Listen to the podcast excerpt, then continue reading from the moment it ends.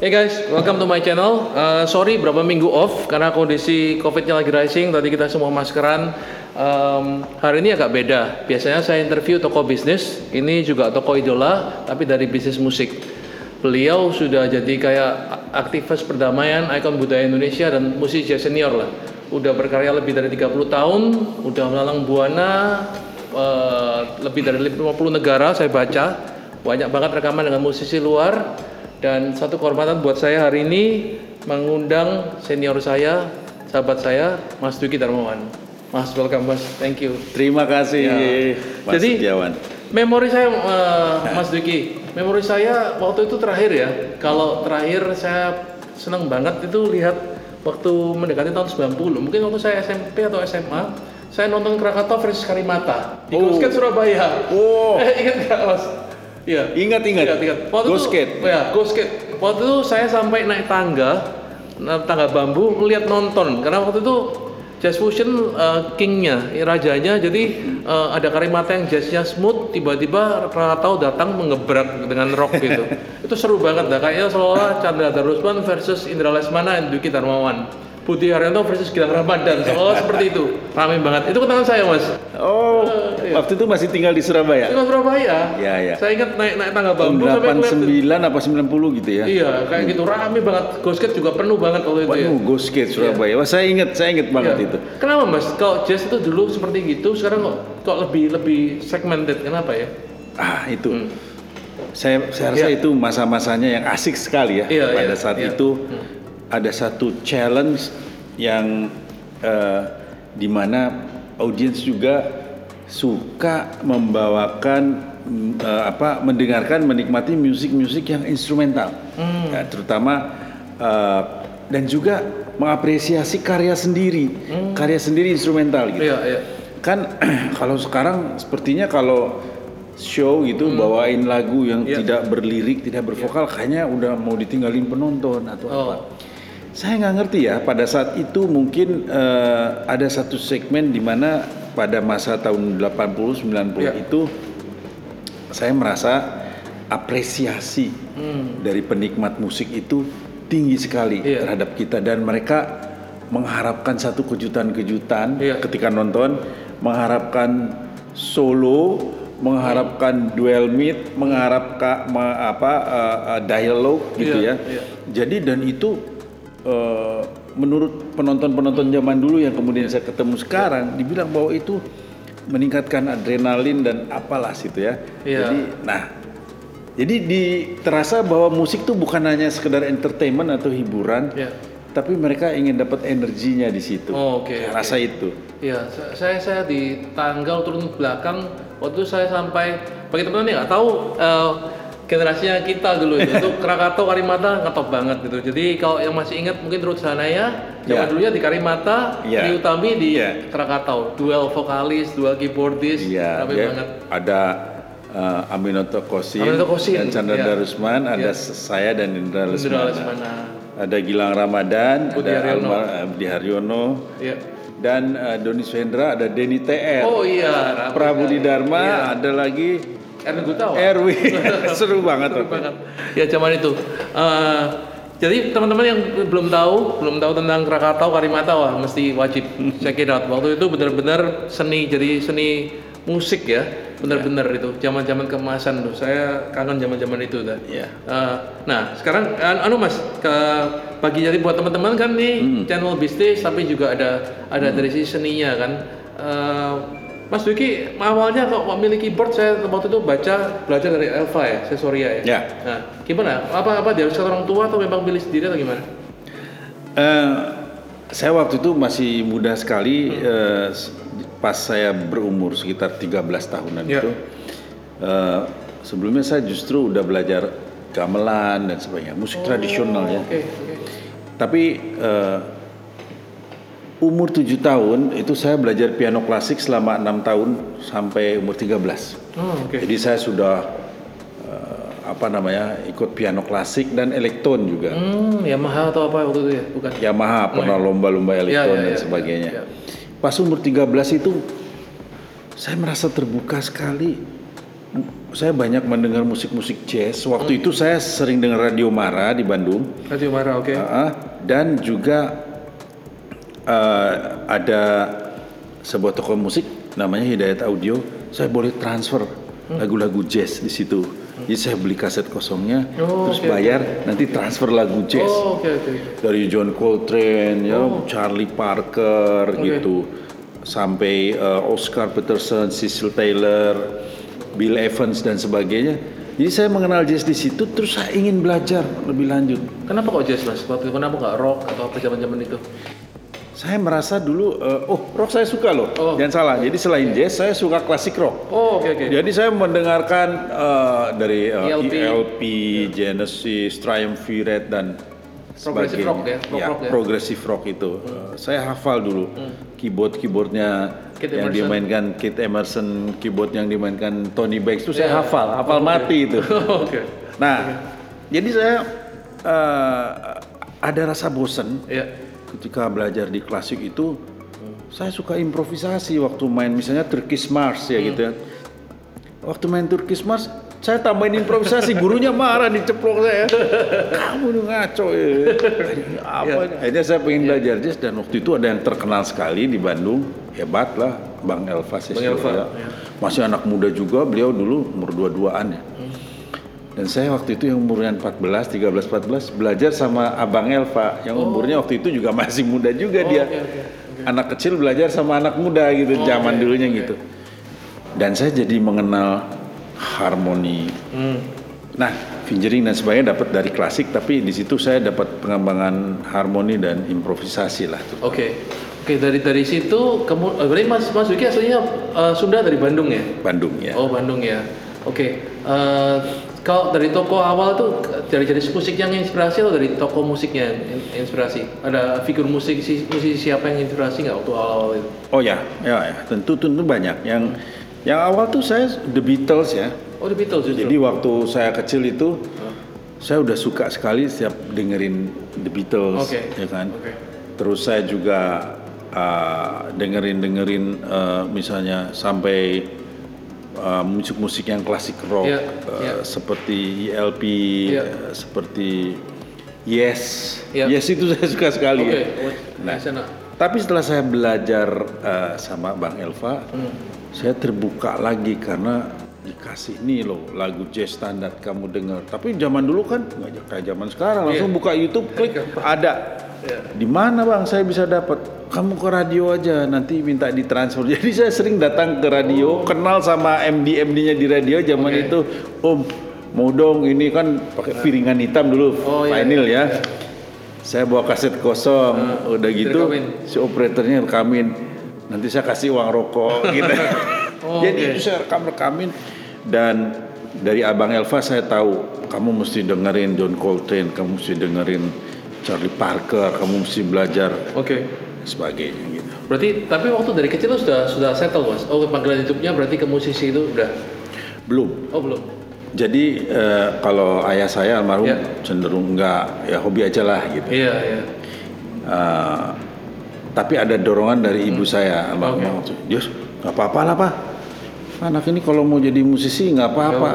Waduh, musisi itu hidupnya gimana nanti Oh, kata iya, iya. saya gitu kan. Iya, iya. Jadi udah saya bilang sama saya ayah saya ya nggak kok pak, saya mau jadi diplomat. Oke. Saya mau jadi diplomat. Jadi terus eh, saya eh, terus bermusik sampai pada saat saya SMP itu saya sudah ngamen waktu Ngamen masih belajar Bandung, sama? Elva. Ya di Bandung, masih di Bandung di Savoy Homan Hotel, Oh, ada oke. Jazz Corner Oke. gitu kan.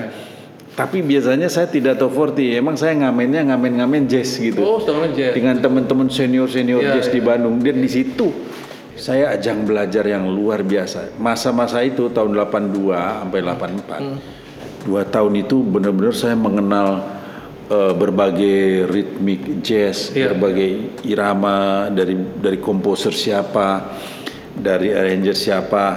Saya mengenal kekayaan jazz luar biasa di era-era itu karena saya main ngamen, ngamen jazz gitu loh. Iya. Dari jam session juga gitu. Iya tahu tahu. jam session, ngamen reguler juga, dan eh, saya kadang-kadang menemani guru saya Abang Elva sebagai second keyboardist dia. Oke. Ini sangat bikin pengalaman bagus banget. Oke, Mas, ke Bandung kota musik memang, tapi pusatnya kan Jakarta. Jadi yang membuat mendorong Mas Dwiki pindah Jakarta apa? Oh, kan kita dengan Prabudi Dharma, Ya. Doni Swendra dan dan Budi Haryono itu membuat grup namanya Krakatau. Krakatau. Tahun berapa? Ta- Bikinnya tahun 84. 84, oke. Tahun 85 ikut Light Music festival Contest. Light Music Contest, menang. Iya. Mewakili Indonesia ke Jepang. Iya. Saya dapat the best keyboard player iya, iya. di Jepang. Oh, terus di endorse sama Yamaha. Yamaha, oke. Iya. Di endorse saya suruh pakai Yamaha DX1 waktu itu. Oke. DX7, DX9 sama KX5 ya. Oke, keyboard controller ya. Oh, Iya. di endorse sampai sampai 10 tahun ke depan berikutnya ya dari Iya. 85 Iya. sampai 95. Iya. Itu eh, aktivitas ternyata wah membawa saya memang harus ke Jakarta gitu. Dan Kita semua Iya. harus banyak di Jakarta karena terus kemudian kita mengisi acara jazz tetap di TVRI Iya. seminggu sekali dan senang sekali bisa bawain lagu-lagu original Oke. di TVRI live TV hanya satu-satunya kan waktu Iya, itu TVRI waktu itu. live original song boleh katanya. iya, iya. orang nah terus mulai masuk rekaman Hmm. dunia rekaman itu memang jarang ya studio di Bandung label label semuanya di Jakarta Iya. jadi saya pindah ke Jakarta lah itu. Oh, oke oke. Tadi waktu Jakarta tahun 86 saya pindah 86 pindah Jakarta. Itu sudah waktu juara LMC ya? juaranya 85 kan 85. mulai album pertama Krakatau 86 Waktu album pertama itu sudah join dengan Indra Lesmana udah masuk. ya jadi Krakatau tuh habis menang dari Jepang Iya. belum rekaman Hmm. sebelum recording di desain kontrak dengan Billboard Indonesia Iya. eh, eh, Indra eh, Gilang dulu Gilang masuk Indra masuk dan Triutami Oh, oke oke. Itu formasi pertamanya ya. Formasi pertama. Iya. Em, ke- waktu itu eh, Kra- dari Krakatau juga ah, zaman yang sama udah eh, mendirikan sekolah musik Farabi belum? belum ngajar saya Ngajar di diajak Farabi. Indra ngajar di Farabi Jazz Workshop eh, Pak Jack Lesmana. Jack Lesmana dan Indra Lesmana belajar dulu terus bantu ngajar juga di situ Oh, oke oke. Jadi waktu masih waktu masih muda itu sudah ngajar juga ya waktu itu. Ya, dan saya bukan owner dari Farabi waktu itu kan. Oh, oke, Ada ownernya.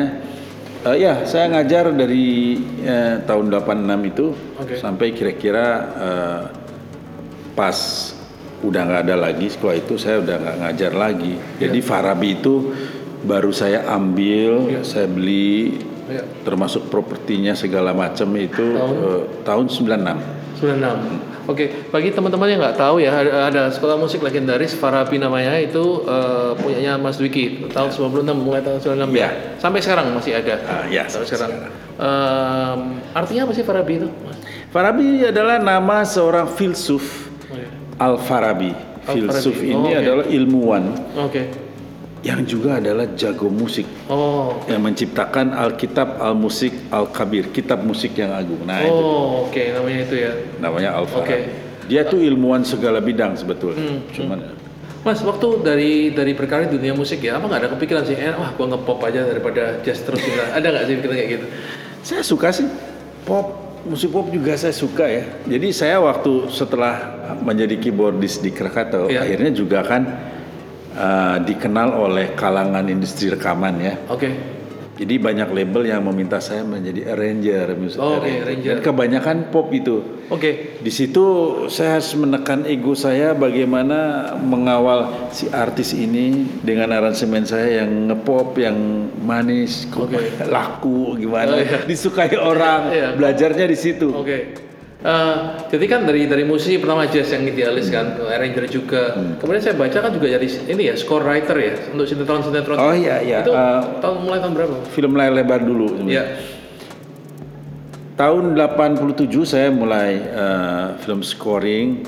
Ada beberapa film, misalnya Saskia, beberapa film lain sampai pada tahun 91 Iya. ketemu Gari Nugroho Oke. dan saya diminta menulis eh, origi- original soundtrack Hmm. dan film scoring untuk Cinta dalam Sepotong Roti. Waktu itu saya mendapatkan penghargaan Piala Citra untuk penata musik Oh, tahun terbaik. 91. Oh, 91, oke. Masih umur saya eh, sekitar 24-an. Oh, wow. Wah hebat mas. 24an udah Piala Citra ya untuk itu ya? Iya, waktu itu kan sub supremasinya tuh eh, Om Idris Sardi tujuh kali berturut-turut kayak All England ya. Iya, iya, iya. Viola. Habis itu digantikan oleh saya gitu. Oh, oke oke. Membanggakan sekali waktu itu dan saya sangat bersyukur jadi saya belajar ada gurunya itu film scoring. Musisi hebat juga almarhum Billy Budiarjo, Billy J. Oh iya, iya, iya. Sering dengar namanya. Secara tidak langsung saya belajar karena saya sering diminta membantu beliau kayak asisten Oh, oke oke oke. untuk film scoring. Oleh dia di, Iya. bantuin Ki, wah gitu. di situ jadi saya belajar gitu. Kalau kalau dari dari ini mas, mas dari jazz keyboardist, jazz pianist, kemudian eh, arranger sama film apa score ya, yang mana yang paling enjoy? Ya. Percaya.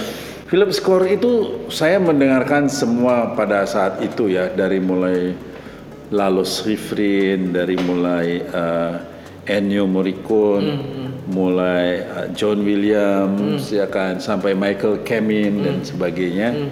Termasuk yang ke sini ke sini Hans Zimmer ya. Itu saya mendengarkan mereka semua. Ya. dan itu eh, bahkan saya sempat juga tahun 90-an itu mengunjungi studionya Hans Zimmer dan Michael Kamen. Wow. Eh, saya Yang Amerik ya?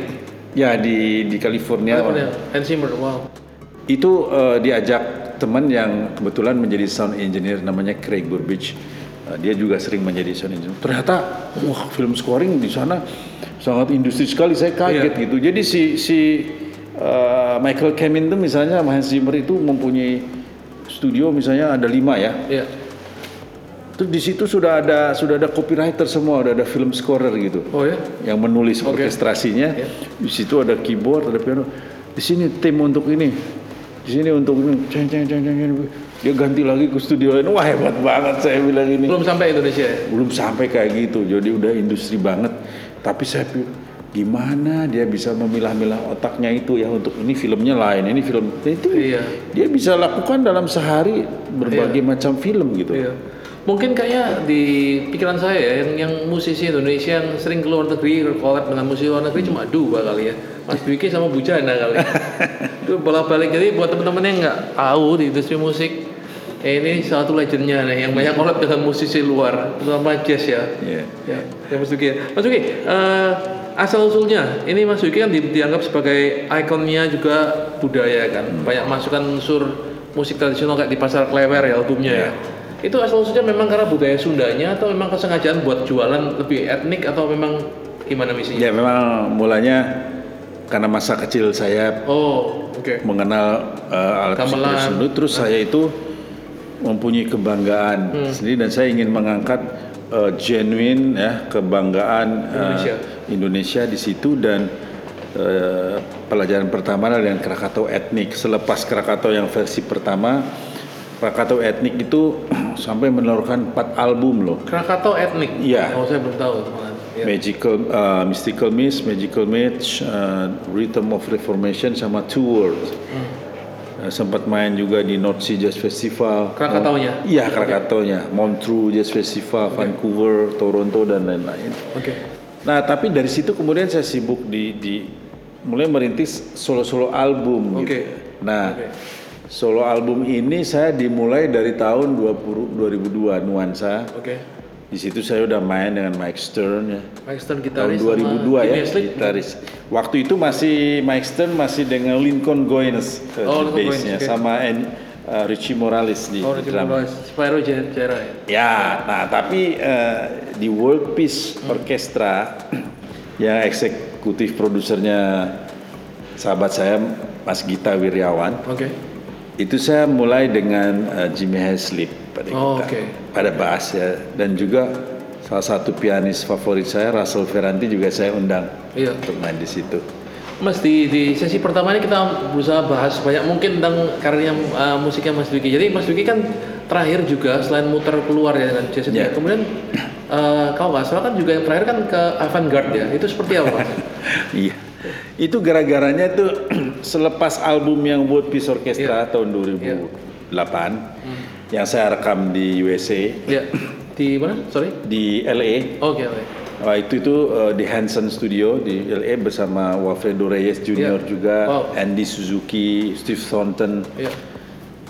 Nah terus saya lama nggak bikin solo album lagi, Eh, kayak agak setengah mandek tiga tahun. Akhirnya saya bikin so- eh, bikin album live in Vienna. Waktu Live saya in main Vienna. di di Jazz Festival di Jazz Festival di Wina, Oke. saya bermain dengan dengan konsep piano, grand piano dengan uh, upright bass Yeah. dengan string quartet, contemporary string Yeah. quartet.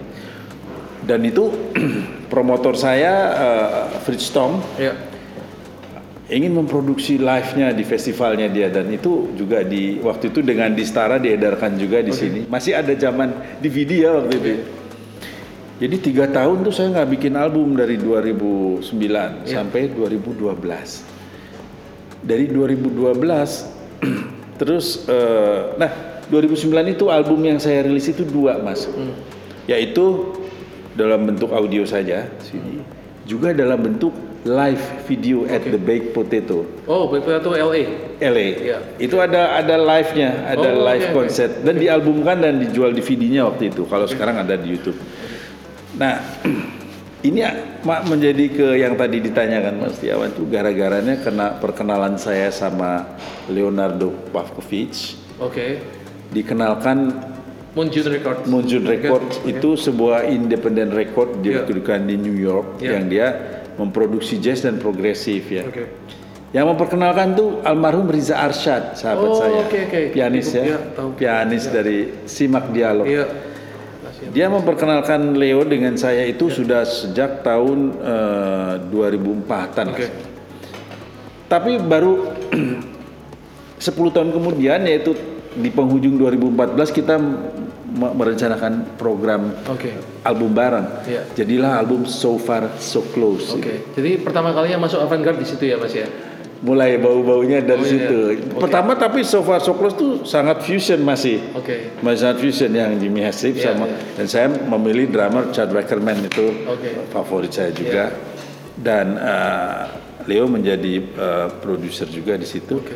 Nah, mulai itu mulai di album Pasar Klewer yang berikutnya Oke. 2016. Nah, se- ini mas sebelum kita Ya. mau lanjut eh, karena kalau kalau kita ngomong tentang musik jazz kemudian LA ini mirip-mirip nih bisa cerita dua jam nih. Ya. Jadi kita kita break dulu ngopi dulu mas. Oh, ngopi dulu. Ya, ya, ya.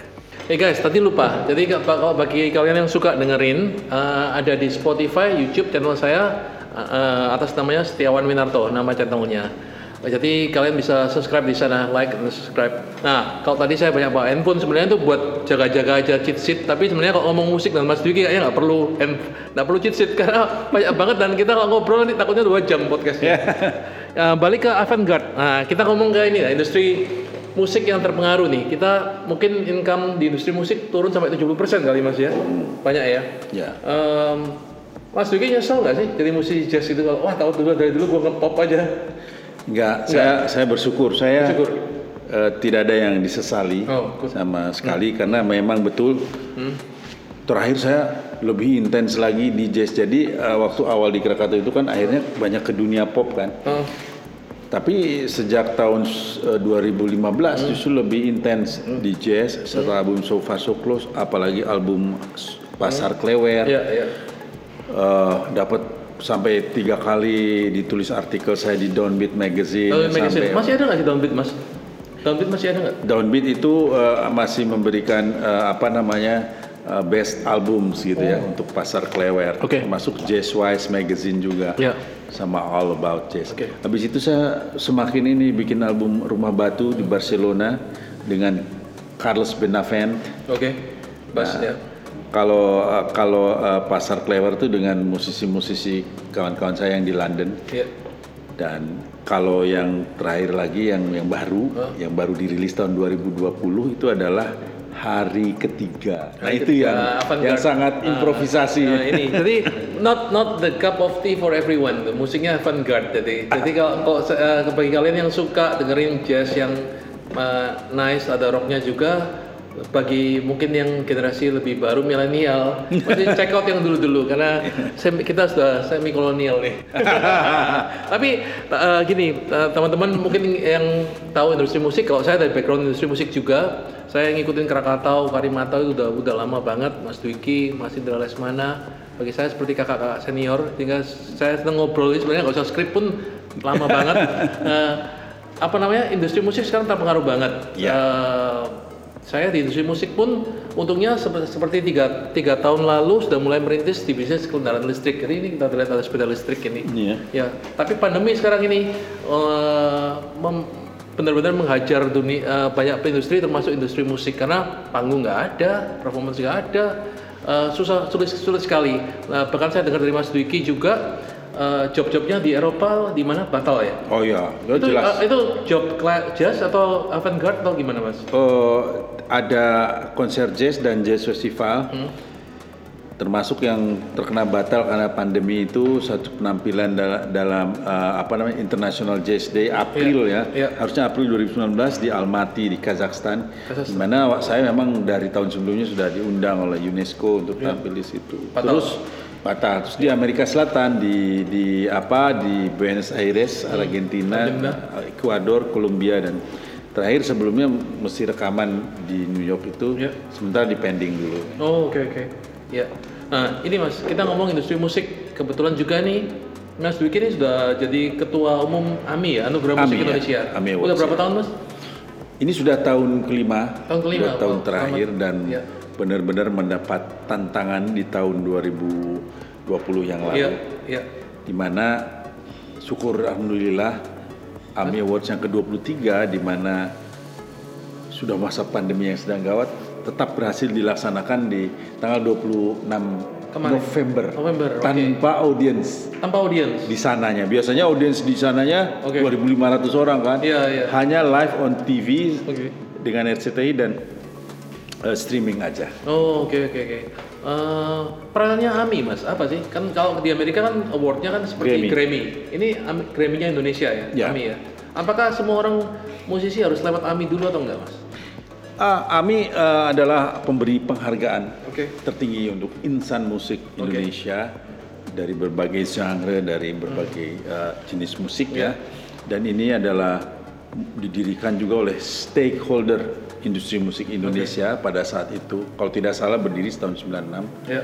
mengadopsi sistem uh, Grammy di mana sistem akademi, sistem penilaiannya itu member yang menilai gitu kan. Hmm, Jadi publik lah ya, publik. Bisa nggak sih katanya dalam kritikannya, wah titipannya major label semua gitu. Dulu kan ada kritikan seperti itu, nggak bisa mas? Ah, enggak sih, enggak. Itu itu juga uh, diaudit oleh auditor publik juga Oh, oke. dari hasil votingnya itu ya. Oke. Ada regular member dan Oke.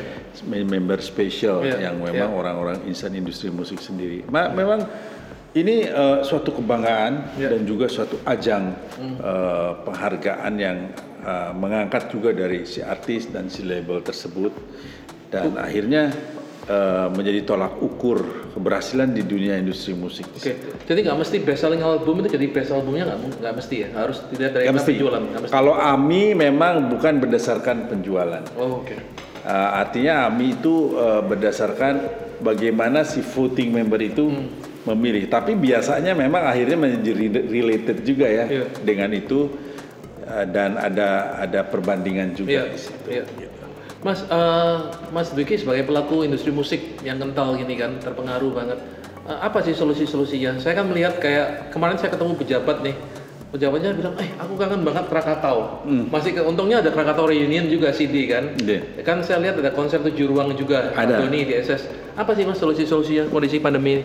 Ya, ya di pandemi ini eh, memang konser-konser virtual di Indonesia khususnya eh, belum ada satu standar ya yang eh, misalnya pe- eh, pemberi sponsor itu Ya. gimana standarnya itu kesulitannya. Jadi untuk eh, make money di situ belum begitu terbentuknya. Oke. Tapi bahwa uh, konser virtual itu bisa mempertahankan energi yang ada dari pelaku musik maupun pelaku industri musik lainnya dan interaksi antara musisi, komposer dengan penonton Ya.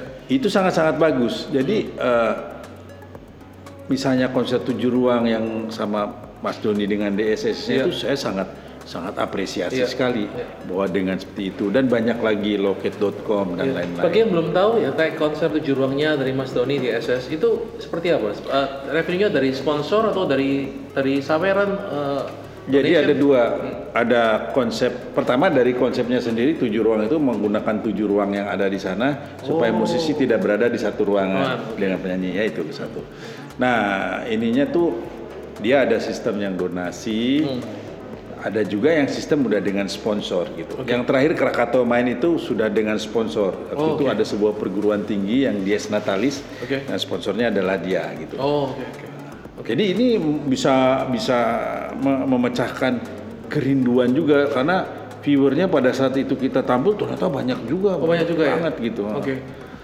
Saya melihat juga beberapa musisi bilang sih sebenarnya. Jadi kalau kita monetize di industri musik sekarang bagi musisi yang mengembangkan asetnya ke digital, mereka nggak gitu terpengaruh karena bisa masih bisa perform katanya. dan tu- uangnya sponsor masih masuk ke digital sekarang Ya. masihan gitu. Memang uh, dunia digital itu adalah uh, satu evolusi. Memang kita Hmm. lima tahun yang lalu kaget ya dengan uh, perubahan Ya, pola distribusi musik ya. dari fisik ke streaming dan download itu Iya, ya. iya. Ada fisiknya mana? Yang yang yang yang hilang adalah aduh mana nih bentuk CD-nya yang ada bukletnya apanya itu Iya. tuh aja yang hilang gitu ya. Iya, iya, Tapi kalau dari segi kemudahan anak-anak sekarang tuh udah senengan yang streaming gitu ya. Tetapi monetasnya jadi berubah mas ya. Ya. Kalau- dulu dari jual physical album dari Ya. kaset ke CD. Iya. Sekarang kalau komplainnya musisi saya dengar kalau kita streaming atau masuk iTunes dapatnya uangnya receh katanya, betul Receh. ya? Atau enggak? Ada juga yang tidak diketahui, misalnya ada completely rate gitu ya. Misalnya kalau kalau didengarinnya nggak sampai selesai itu Iya. belum masuk hitungan Oh, masuk hitungan juga? uang. Ada ada begitunya Oh, juga iya, iya, kan. iya.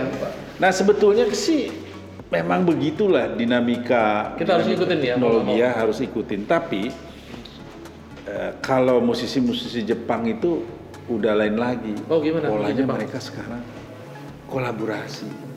Seperti apa? Film animasi kan di Jepang kan sangat luar biasa. Ya, ya animasi. Mereka make money dari animasi. Jadi ikutan di film-film animasi Nah, ya gimana? ataupun di game. Jadi para musisi itu banyak berkolaborasi dengan itu gitu loh. Hmm. Sehingga uh, mendapatkan sumber royalti yang lebih banyak lagi. Oh, gitu. Itu. Jadi intinya di uh, dunia industri 4.0 itu adalah kolaborasi sebetulnya. Hmm. Elaborasi dan kolaborasi. Oke, dan juga mungkin eh, ini ya, jadi sekarang platformnya untuk jadi untuk promosinya adalah dari streamingnya ya, tapi Ya. nggak nggak terlalu make money, tapi dari live performance dapat revenue-nya ya. Iya, gitu. Oke. dan eh, banyak sekali yang juga eh, apa namanya mempunyai keberuntungan Ya, ya. misalnya awalnya dari sebagai eh, youtuber dulu gitu kan Oh youtuber, oke, betul, ya, ya. Kemarin saya juga bicara dengan satu orang drummer, jadi memperluas, jadi jadi dia menganggap dirinya bukan cuma musisi tok, tapi sebagai content creator. ya Ya, Ya. itu juga. Nah, berarti Mas Duki perlu buat YouTube channel. siap siap Harus nih. aku akan buat itu Iya. Itu ada bahan-bahan yang eh, banyak juga yang dari dulu Mas Dwiki, kalau pe- pencapaian di dunia musik ini kan eh, Mas Dwiki ini udah luar biasa lah dari umur eh, 13 dengan belajar dengan almarhum Elva Surya sampai sekarang Avantgarde. Itu sebenarnya cita-cita di, di dunia musik belum tercapai apa sih? Ya sebenarnya alhamdulillah kalau saya sih eh, apa yang saya bayangkan dulu Iya. gitu saya inginkan itu eh, sudah sudah bisa dicapai ya. Misalnya dengan yang dulunya adalah musisi-musisi favorit saya, alhamdulillahnya bisa jadi teman main Iya, sekarang gitu ya. Itu kan ya. hal yang Iya, tidak iya. bisa dibayangkan Masih sebelumnya. ada nggak yang pengen main tapi belum sempat? Ada banyak sih, Oh, tapi banyak. ada yang sempat sudah ketemu juga. Tapi Oke. kan ini kan tergantung dari eh, apa karya kita. Iya. Kembali lagi ke karya. Karya, jadi iya. kalau kita tidak ada karyanya kan itu semua jadi sulit. Iya. Tapi ketika mereka juga mengapresiasi karya kita, termasuk apa pers ya, Iya. media di luar, Iya. saya juga sering kaget-kaget. Misalnya sekarang eh, sedang mengumpulkan eh, satu wall of fame di di wall di Parabi sekolah Oh, musik kami oke, ya. untuk membuat uh, bagaimana coverage uh, apa namanya media-media luar terhadap karya-karya saya itu. Oke. ternyata alhamdulillah cukup banyak. ya. Banyak. Dan itu perjuangannya panjang sekali. Sekali ya. Kalau ngomong perjuangan, Mas Dwiki, definisinya sukses untuk Mas Dwiki apa? Definisi sukses. Definisi sukses buat saya itu adalah eh, membahagiakan dan bermanfaat. Disukai dalam arti bukan secara komersial aja tapi tapi bermanfaat ya, Kontribusi. berkontribusi gitu ya. Iya. Artinya ada yang eh, apa namanya ketika membuat suatu karya dan itu membahagiakan sekali gitu ketika berkontribusi apa dirasakan sebagai kontribusi untuk orang diri lain. sendiri sama orang lain juga ya. Iya, di Iya, sini iya, dan iya. orang lain juga dan tentunya menginspirasi itu sangat hal yang mem- membahagiakan buat saya. Iya, Kalau iya. kita bisa menginspirasi Iya, saya- hal-hal yang positif dari melalui musik itu. Oke, berarti nggak, kalau apalagi musik jazz ya, nggak semata-mata monetary value, nggak semata-mata nilai penjualan nggak ya berarti ya? Iya, jadi kalau kalau ini komersil nggak ya, baru mau bikin karya, ini laku nggak? Itu kayaknya nggak jadi-jadi nanti karyanya Iya, saya iya. kan. Iya, iya, iya. Tapi hal ada yang satu hal lagi yang eh, sangat saya syukuri. Iya. Bisa bersilaturahmi artinya pergaulan eh, ke mana-mana ya. Kita sebagai musisi itu eh, bisa kenal banyak orang, Iya, bisa kenal iya. banyak kalangan Iya, ya, dan juga bisa melihat berbagai belahan dunia dengan juga sambil mempromosikan Indonesia, Iya, iya, iya. negara yang sangat Kaya saya ya. cintai, negara yang sangat kaya, dan kita eh, bisa membantu image yang baik terhadap Indonesia di mana-mana itu adalah hal yang Iya. membahagiakan sih buat saya. Iya. Itu lebih bahagia daripada dapat eh, materi gitu. Tapi Iya. kalau materi juga dapat ya siapa yang nggak bersyukur ya? Alhamdulillah. Iya, iya, iya. Mas Vicky, mungkin parting comments eh, sebelum nanti saya todong main satu lagu. Apa sih eh, harapan untuk pemerintah atau musisi Indonesia kondisi seperti ini? Nah ini memang kondisi yang sulit. Kalau pemerintah kalau sekarang ini, Ya. Misalnya eh, Kementerian Pariwisata Ya. misalnya, dan Ekonomi Kreatif itu mungkin tidak pada porsinya bagaimana mengumpulkan Musisi. kerumunan orang. Iya. Pokoknya pariwisata tuh harus ditingkatkan kembali sampai ya, akhirnya kan kembali lagi kerumunan lagi, Cluster kembali lagi. lagi Iya. klaster lagi. Tapi bagaimana dana-dana yang ada itu dihibahkan dulu lah sekarang ini ya dari hibah dulu aja tapi bentuknya itu betul-betul bertepat guna dan eh, bermanfaat bagi semua. Sekarang saatnya untuk hibah-hibah dulu. Oke. Nah, nanti eh, setelah setelah agak tertolong ini, Iya. karena saya belajar dari negara maju, saya telepon teman saya di Kanada, saya mendapatkan jadi musisi itu dianggap self employment gitu kan. Oke. Self employment itu mereka mendapatkan 400 dolar Kanada per Subsidi. minggu, subsidi Waduh. per minggu loh. Wah, gila. Dan dia apa yang dia buktikan? Dibuktikan dan dia punya album CD, punya album di Spotify Jadi atau tetap produktif di tengah Ah. krisis ini ya. dia bisa tetap berkarya pada saat ini tapi dia hidupannya terjamin ya 400 dolar kalau kali sebulan kan 1600 yaitu negara kaya Negara kaya. Indonesia tuh itu aja dulu jadi Ya. hibah di berbagai eh, area seni maupun seni pertunjukan Ya, ya. nah selebihnya kalau di pariwisatanya mungkin UMKM gitu Iya. kan Iya. Kalau yang sekarang mau berpromosi eh, untuk untuk meningkatkan lagi kepariwisataan, ekonomi kreatif dengan menimbulkan kerumunan lagi, ya. klaster lagi kurang cocok ya. Ya. Kita harap, lah dulu lah. ya harapan kita sih setelah vaksinasi ini ya program ini Ya. pandemi makin turun ya kita balik ya. Advice terakhir untuk musisi-musisi Indonesia gimana mas? Untuk musisi Indonesia eh, jadilah eh, diri sendiri, jangan takut untuk belajar, jangan enggan untuk belajar dari siapa pun karena sebetulnya era sekarang itu siapa pun bisa menjadi guru baik secara langsung bertemu maupun dari dari mempelajari karyanya. Dan eh, satu lagi pesan saya eh, pelajari dan nikmati eh, kearifan budaya lokal Indonesia, terutama musik tanah air itu sangat dahsyat luar biasa. Kalian bisa membuat itu menjadi sumber inspirasi yang tidak ada habis-habisnya. Never ending inspiration. Mantap mas. Oke guys, eh, saya rasa udah cukup lama. Kita akan akhiri podcast ini. Tentunya eh, jangan lupa subscribe, eh, like dan subscribe di YouTube dan Spotify Setiawan Winarto. Lalu Mas Dwiki mungkin bisa main satu lagu mas. Oke. Oke, thank you mas. Saya main ya. Baru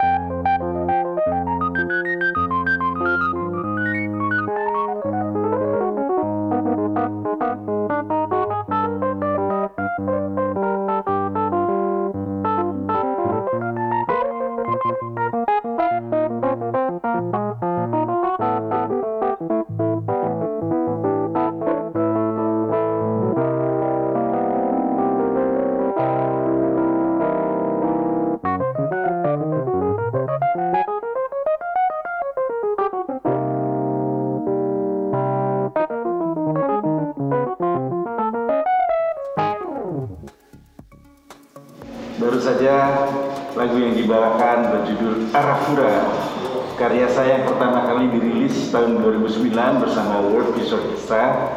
Dan diaransemen ulang di tahun 2015 di album So Far So Close.